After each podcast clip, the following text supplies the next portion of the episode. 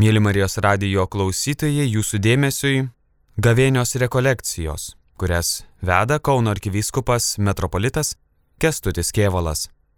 Įrašas iš Kauno šventųjų apaštalų Petro ir Povilo arkikatedros bazilikos. Mums gavėne skirta kaip atgailos, pasninko ir maldos laikas yra labai gera proga atgaivinti širdį. Ji, kaip žinia, šiek tiek suspausta dėl šio laiko pandemijos nuotaikos, dėl to pasimetimo, kuris neaiškius dėl ateities ir vis dėlto viešpats nori mus atgaivinti, širdį pradžiuginti. Tam ir susirenkame kaip bendruomenė, tam švenčiame Euharistiją, nes jis ateina į mūsų tarpą ir tokiu būdu keičiame gyvenimo kokybę, kuri taip svarbi, kad turėčiau įkvėpimo, jėgos ir upo imtis darbų, mylėti kitą žmogų, pagaliau gyvenime drąsinti kitus ir kitiem padėti. Šiandienos rekolekcijos temai pasirinkau pagundos apmąstymą, tai reiškia tai, ką Evangelija mini kaip dalyką, kuris ištiko ir Jėzų. Štai praeitą sekmadienį skaitėme Evangelijoje, kad jis išeina į dykumą ir ten yra velnio gundomas. Taigi pagunda net žmogaus sūnų buvo apsupusi ir, sakytume, kesinosi į jo gyvenimą ir misiją.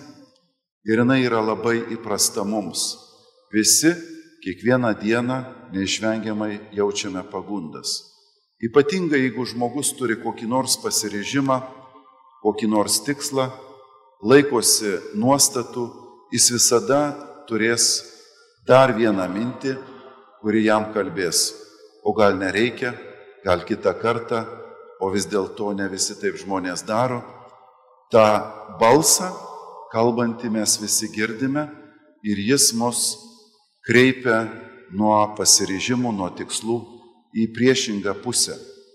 Taigi, pagunda dažniausiai pasireiškia tuo, kad mes esame gundomi turėjimo, materialių gyvenimų, kad svarbiau yra ne santykis, ne Dievas, bet tai, ką matom, ką, ką turim ir žmogus pirmiausia turtu gundomas gyvenimą pažvesti turtų kaupimui, žmonės vertint pagal turtą, pagaliau, reiškia, visą gyvenimo kokybę tokiu būdu įvertinti. Antras dalykas - esame gundomi puikybė. Štai koks aš puikus, kaip viskas e, turėtų suktis apie mane, kaip kiti žmonės nesupranta ir aš viską žinau ir suprantu. Ir esu išmintingiausias ir teisingiausias, kiti klysta. Tokia laikysena, kaip jaunimas sako, pasikėlusio žmogaus, iš tikrųjų yra puikybė, pati didžiausia žmogaus įda ir ji dažnai žmogų tiesiog kankina, kad jis neklausytų kito ir net pačio Dievo. Na ir Trečias gundimas - nepaklusnumas Dievui. Štai Jėzui šetonas sako, visą tai aš tau atiduosiu, jei parpuolęs pagarbinsi mane, rodydamas visas pasaulio galybės ir valdžias. Ir Jėzus atsako, viešpati Dievą te garbink ir jam vienam te tarnauk. Taigi, ar tikrai jau Dievas reikalauja tokių dalykų. Ar tikrai jis taip jau kalbėjo? Ar čia tie Dievo įsakymai jau visada visur ir taip galioja? Daug turime tuo klausimu pagundų. Kodėl iš viso toks dalykas egzistuoja, galėtume klausti. Jeigu Dievas yra gailestingas ir jis nori mums tik tai gero, kodėl aš jaučiu tokią įtampą čia dabar, nesąmonę? Galėčiau norėti gero ir daryti gerą lengvai. O dabar atvirkščiai. Noriu gero, tai turiu net suprakaituoti, kol padariau aš tai. O bloga eina va taip daryti.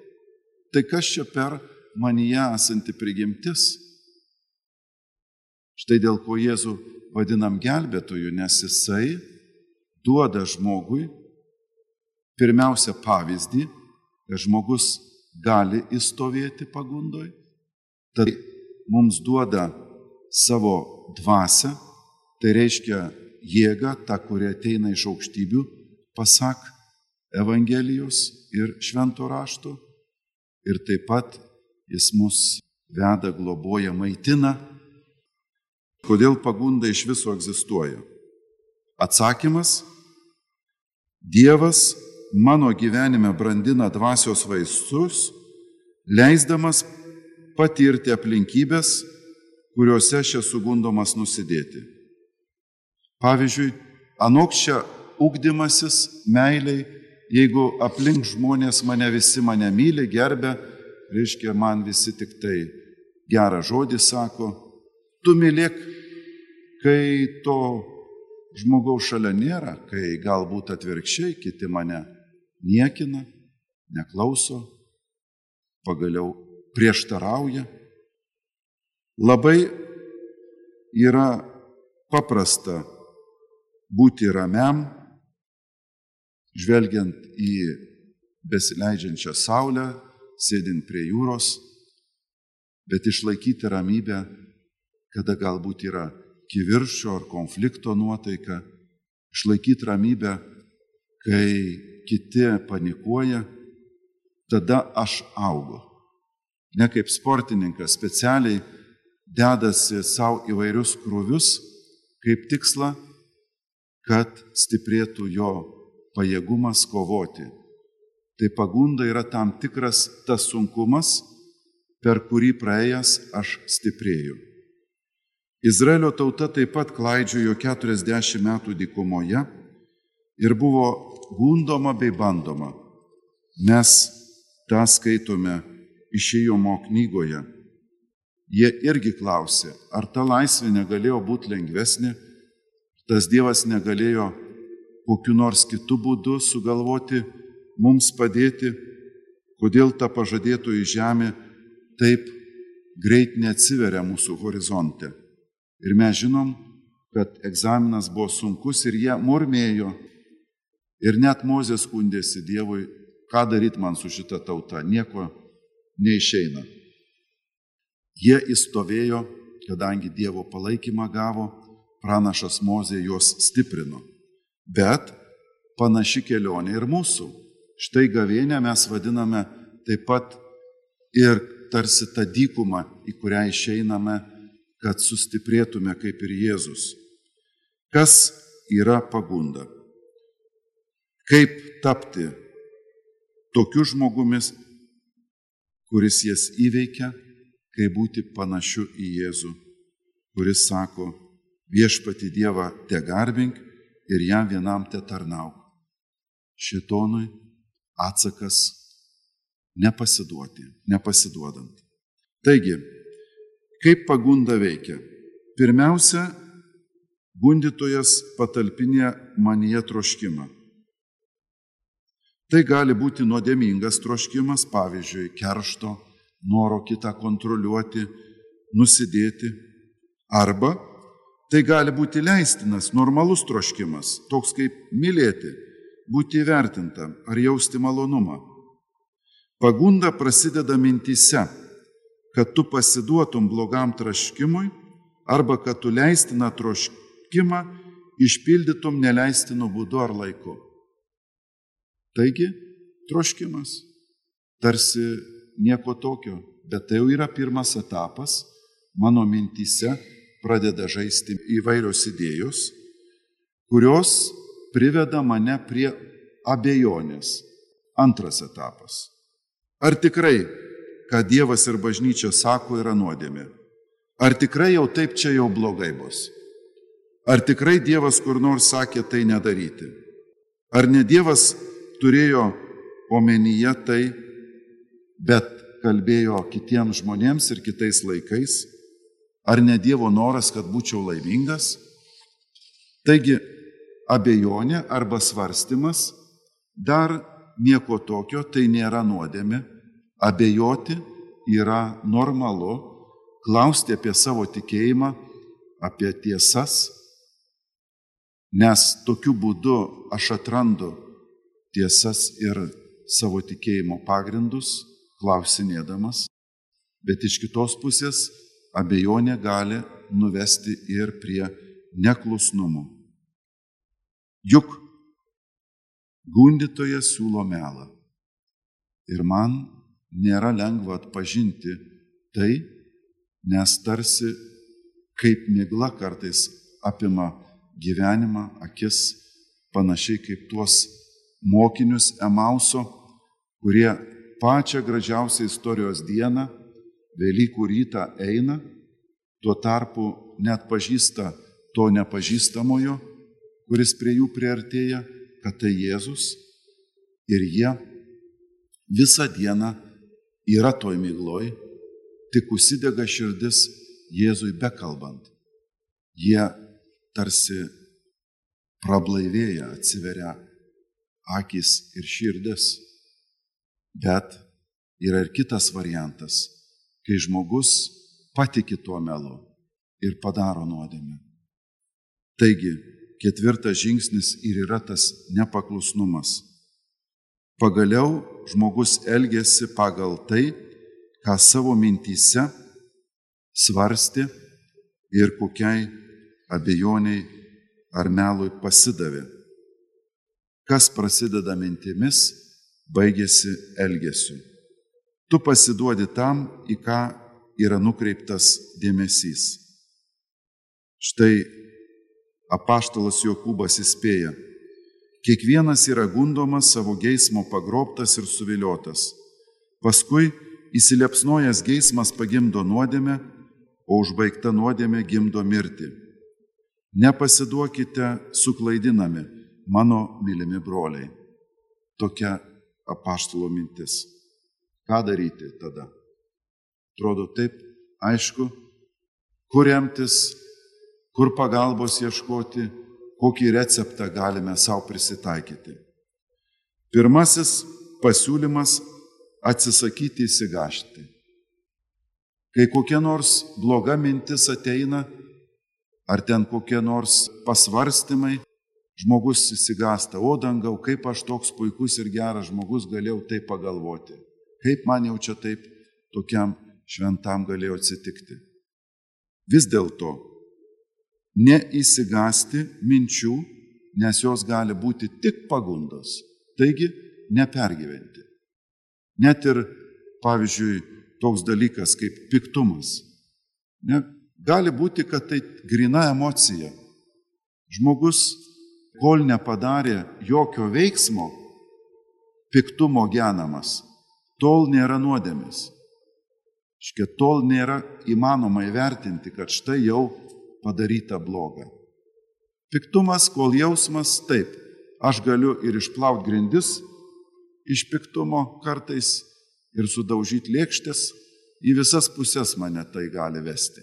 Bet mano išmintis turi sakyti, kad štai taip pikstu, man nelengva, bet Dieve padėk, galbūt viskas bus tvarkoje. Yra labai gražus vieno teologo pasakymas. Tu negali neleisti paukščiams skraidyti virš tavo galvos, bet tu gali jiems neleisti ant savo galvos susisukti lizdą. Tai tu tą gali. Paukščiai tai tos mintys, jos krieja, bet kontroliuoju veiksmą. Antra, reikia atpažinti gundimo būdus, nes vienos situacijos mane greičiau pagreuna, kitos netaip. Vienas žmogus vienokių dalykų yra sugundomas, kitas kitokių. Taigi, atpažinti, kur esu silpnas ir kur mano tos pažeidžiamos zonos. Ir trečias dalykas - reikia prašyti Dievo pagalbos. Dangus turi 24 valandų sos liniją. Taigi, Dievas nori, kad mes jį kreiptumėmės, kai kovojame su pagunda. Kai pagunda priremia, aš neturiu laiko ilgoms maldoms. Aš šaukiu pagalbos. Kaip Šventas Petras ar Paulius, jie meldėsi ištikti grėsmės tom strėlinėm maldom vadinamom, trumpom. Viešpatie padėk, pasigailėk, ateik viešpatie Jėzau, stiprink širdį, padėk Dievę. Visą tai strėlinės maldos galima jas siūsti bet kuriuo metu. Taigi, Dievas niekada neusigauna, nesupyksta, jis yra kantrus su mumis. Net jei ir šimtus kartų mes per dieną prašysime jo pagalbos, jis pasigailės ir padės mums. Štai laiškas romiečiams mus drąsina. Jei lūpomis išpažinsi viešpati Jėzų ir širdimi tikėsi, kad Dievas jį prikėlė iš numirusių, būsi išgelbėtas. Taigi Dievą laikyti Dievu, jam duoti tą pirmumą savo gyvenime, esant nestabiliai būsenai ir išbandymui šauktis pagalbos ir tokiu būdu įveikti tai, kas mums tikrai yra nedėkinga tikrovė. Šitas pasiūlymas arba tokia išmintis gali žmogaus gyvenimą gelbėti. Iš tikrųjų, kiek daug žmonės savo blogo padaro, kai pasiduoda į nuodėmės, kai pasiduoda puikybei, pavydui, kai pasiduoda blogo darimui.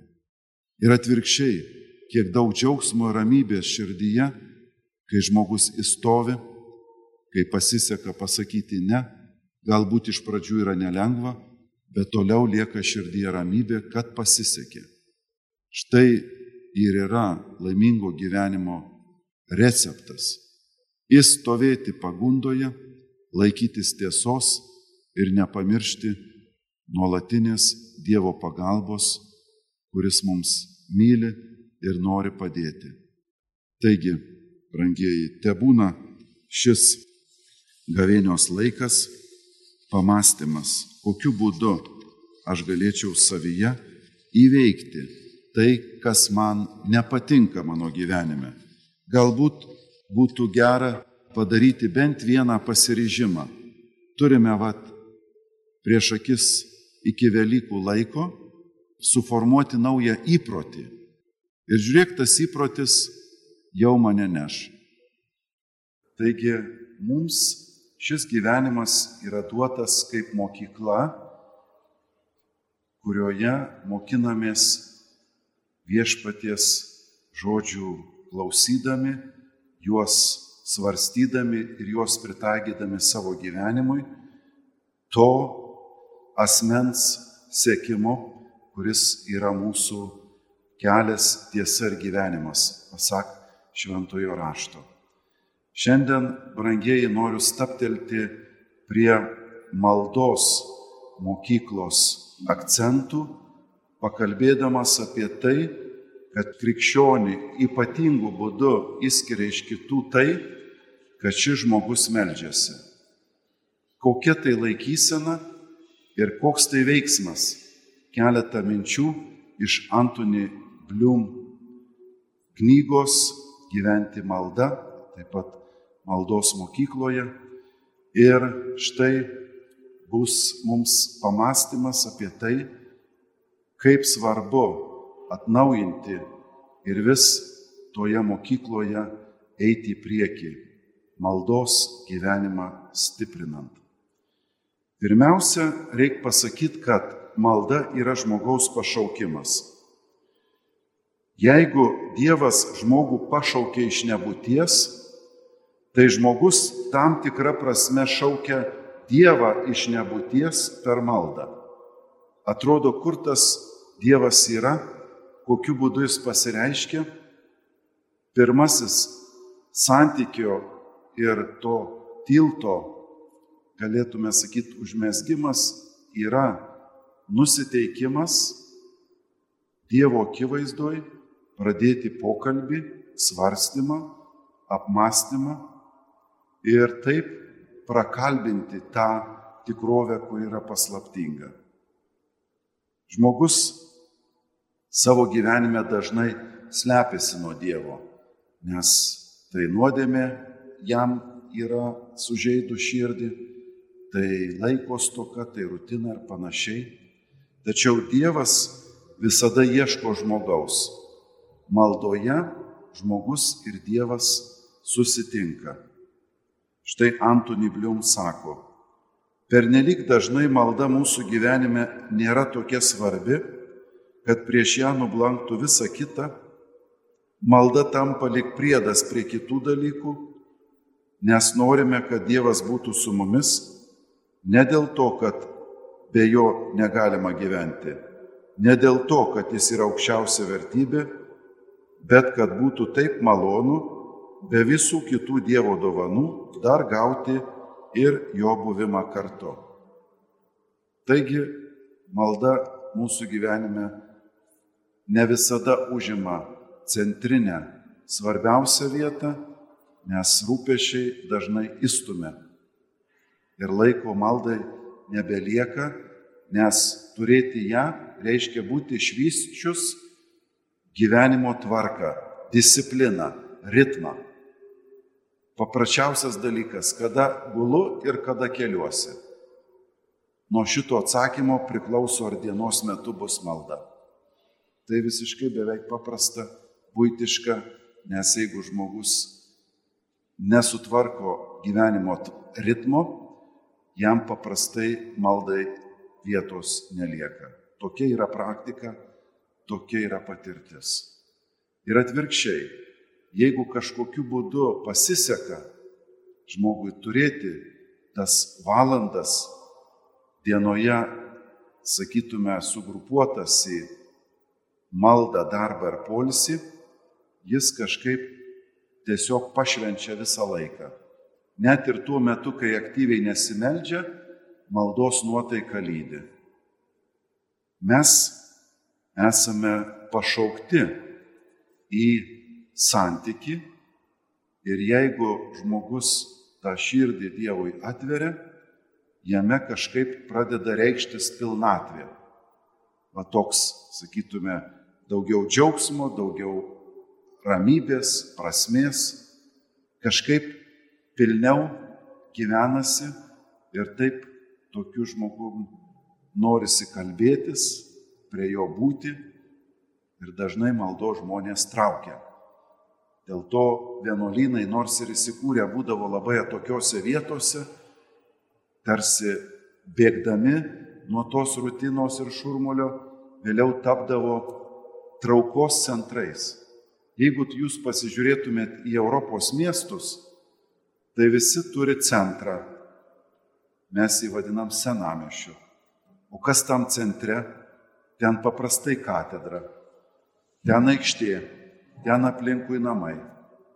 Bet dažnai tos katedros pradžia yra vienuolyno bendruomenė, kuri ten galbūt ilgus šimtmečius meldėsi, traukė žmonės, įvairius galbūt tuo metu vienuolyno darbai ir puitis traukė žmonės glaustis, vienuolynai kūrė mokyklas, slaugos įstaigas ir taip kūrėsi miestai, kūrėsi civilizacija. Tai maldos gale keisti kultūrą, gyvenimą, istoriją. Štai šventasis Benediktas, jaunuolis, tris metus praleidęs oloje, visiškai sakytume, tuščio vietoj, pradėjo traukti žmonės, pradėjo traukti brolius, statytis vienuolynas, po to kiti vienuolynai ir štai Europa nusėta vienuolynais, kurie dažnai tapo ir miestų centrais. Štai kokia maldos gale, ką reiškia šaukti, sakytume, Dievą tą iš nebūties, jis taiga pasirodo per maldos vaisius pirmiausia per uždegtą žmogaus širdį. Mes galėtume sakyti viešpatie, kodėl tu sukūrė šitą pasaulį su trūkumu. Gyvenime visko trūksta. Laiko trūksta, nuotaikos, pinigų, trūksta bendrystės, draugiščių, vienu žodžiu, visur mus persekiojo stoka. Bet tokiu būdu mes išgyvename, kad mums reikalinga pagalba. Dievas palieka tą tendencingai mūsų pasaulyje stokos tikrovę, kad mes turėtume ukvatą, liaudiškai tariant, bandyti siekti pilnatvės. Ir atvirkščiai, kur žmonės viską jaučiasi pasiekę, pilni įvairiausių turtų, tai ir Dievas nelabai reikalingas. Ir štai atvirkščiai, jeigu žmogus tikrai neturi nieką atsiremti, jo malda tampa nepaprastai karšta, nes Dievas tampa vienintelė jo paguoda atrama. Esame visi maldos mokykloje. Ta akimirka, kuomet neturte atrandame Dievą ir suprantame, kad visa priklauso jam ir visa kyla iš jo, tuomet įžengėme į Dievo karalystę ir pradedame mokintis būti laisvi. Malda žmogų laisvina veikti, įgalina. Toje mokykloje žmogus pabuvęs tampa stipresnis įveikti išbandymus, būti kantresnis, pakantesnis, įveikti pagaliau nuodėmę ir aktyviai kurti gėrį, dovanoti savo, savo gyvenimą kitam. Ir atvirkščiai, jeigu viduje nesu susitvarkęs, pilnas įtampų, pilnas įvairiausių nuodėmių, tai ką ten kitam padėti? Nei sveikatos yra, nei noro, nei džiaugsmo, nei pagalau jėgos. Taigi malda kažkaip sutvarko, žmogų harmonizuoja, jam padeda tapti panašesniu į viešpati Jėzų kuris taip pat meldėsi tėvui. Mes jį Evangelijoje skaitydami pastebim, praleidžiant ankstyvas ryto valandas maldoje, prieš svarbius gyvenimo įvykius, visą naktį praleidžiant maldoje, pagaliau malda tampa jo gyvenimo būdu, taip, kad mokinius traukia, sakant mokytojui, išmokyk mus melstis mes jaučiame, kad tu žinai. Jie suprato, kad staiga esą maldos mokykloj, kur pirmiausia Jėzus tampa pavyzdžių žmogaus, kuris jie gyvena ir taip pat tuo, kuris gali perkelti tarsi tą santyki, pamokydamas jį įkurti ir taip pat savo širdyje mums, kurie iš jo mokomės. Malda turi šaltinius. Pirmiausia, tai Dievo žodis, kurį mes skaitom ir kuris mus įkvėpia. Tada pats Jėzaus asmuo, apie kurį randame Evangelijos aprašymuose. Taip pat jo mokiniai, apaštalai, šventasis Paulius pavyzdžiui. Tada bažnyčios šventieji. Mes esame jų paskatinti ir padrasinti taip pat toj kelioniai žygiuoti, nes ji yra įmanoma, išbandyta.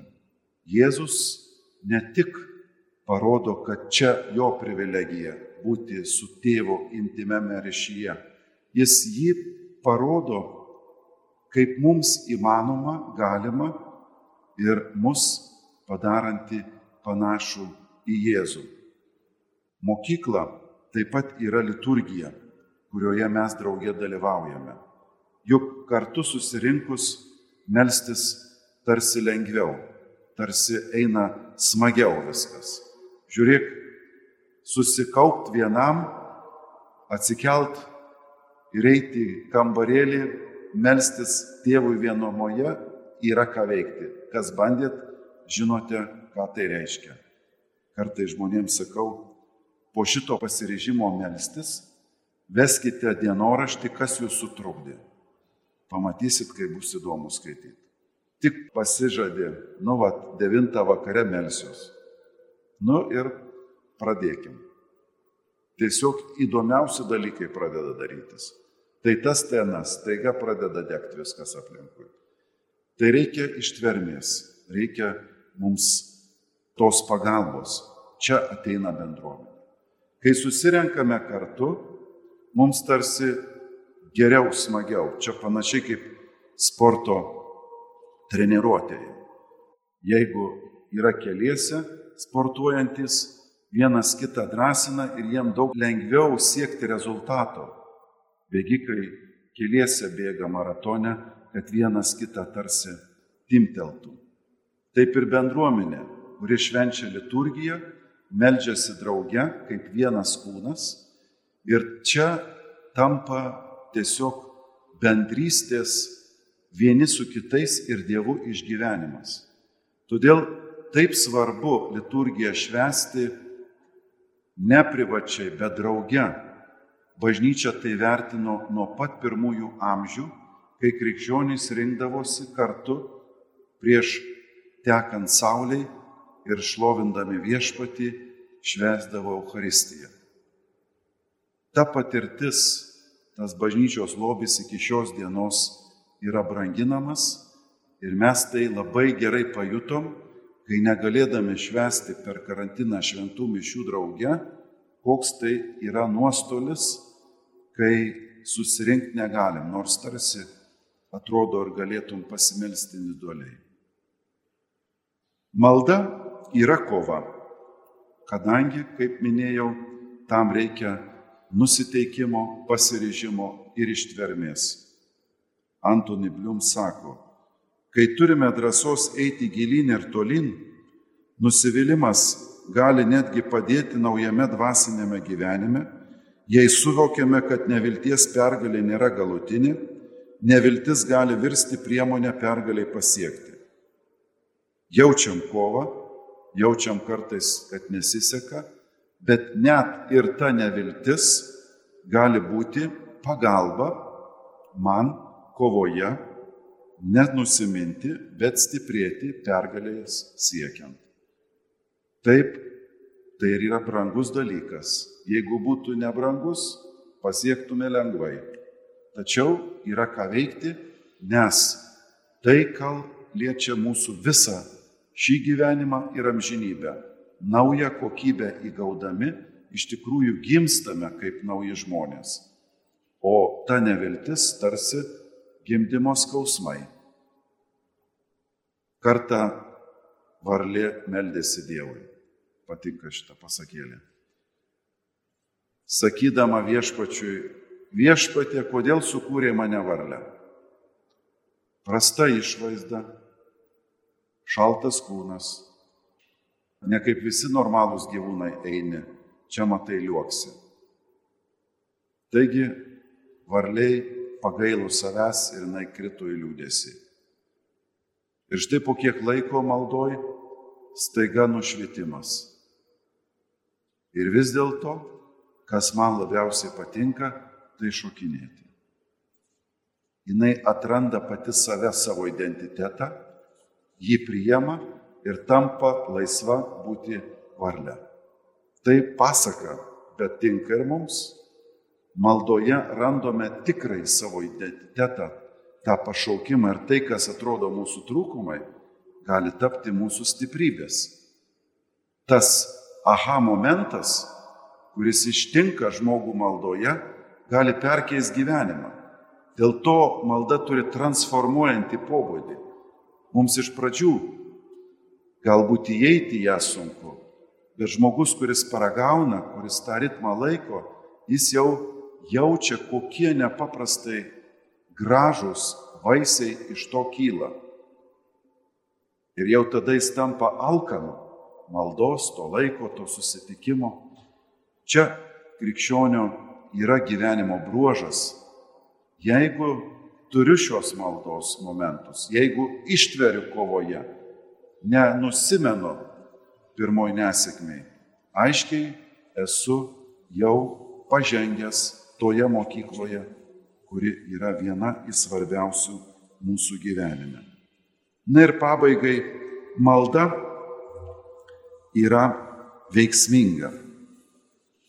Šią mintį dažnai kartoja krikščionybės asketai, žmogus turi pereiti tris pakopas - vergo, samdinio ir sūnaus.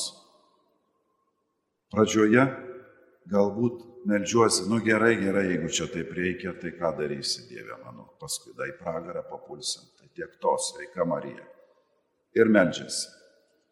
Samdinys tai tas, kuris, kaip čia pasakius, jau supranta reikalo esmę, bet daro be nuotaikos jėgos, na, sakytume, nėra savininkas dar to maldos gyvenimo būdo. Ir štai sūnaus, tai tas, kuris maldą suviduina, padaro savastimi ir ją gyvena. Štai Antoni Blium sako, turime ateiti pas Dievą negražių jausmų išgyventi ir nemistinių patirčių patirti. Turime tiesiog pabūti jo akivaizdoje. O jei jis norės mums apsireikšti, tebūnie jis palaimintas. Bet jei norės palikti mus nežinioje, tai irgi tebūnie palaimintas. Nes, kaip jau supratome, jis yra laisvas pasirodyti mums arba ne. Jis toks pat laisvas kaip ir mes, nors mes dažniausiai neteiname pas jį, kai rūpinamės dalykais, kurie mums atrodo daug svarbesni už Dievą, o jis aiškiai mums nepasirodydamas nori, kad kai ką suprastume apie jį ir apie save. Kai nejuntame Dievo melzdamiesi, kai apima jausmas, kad jo nėra, Tai irgi yra bendravimo su juo dalis. Ir labai vertinga. Tai va, tarsi visada ištikus ir džiaugsmui maldoje, ir išbandymui yra nepaprastai vertė abidvi patirtis. Mes, rangiai, neturime įsigasti, nusiminti, kad galbūt nesiseka. Visada galime pradėti iš naujo visada turime šansą pradėti nuo švaraus lapo, kaip ir po išpažinties. Brėžiam brūkšti ir iš naujo. Viskas bus gerai. Tokioj nuotaikoj žmogus gali labai daug pasiekti. Jis tas patirtis padaro savo maldos mokyklos pakopomis. Ir jeigu viešpats atrodo tyli, tai irgi yra jo kalba. Galbūt sako ne, galbūt nelaikas, o galbūt ugdo ištvermę, kuri ugdo darybę, kuri galbūt manyje gilina viltį. Taigi tebūnie pagarbintas viešpaties vardas. Tokiais žodžiais turėtume apžvelgę savo gyvenimą į jį kreiptis ir atsiduoti tam slėpiniui, kuris tikrai mums yra nepaimamas nei protu, nei vaizduotė ir vis dėlto esame jai pakviesti žengti, prie jo artintis. Malda yra mums viešpaties Jėzaus padovanotas būdas artėti į jį, kuris gyvena ir viešpatauja per amžius. Mėly Marijos radio klausytojai, ką tik klausimės įrašo iš Kauno Šventųjų Paštalų Petro ir Povilo arkikatedros bazilikos, Kauno arkivyskopo metropolito Kestučio Kievolo gavėnios rekolekcijos. Likite su Marijos radiju.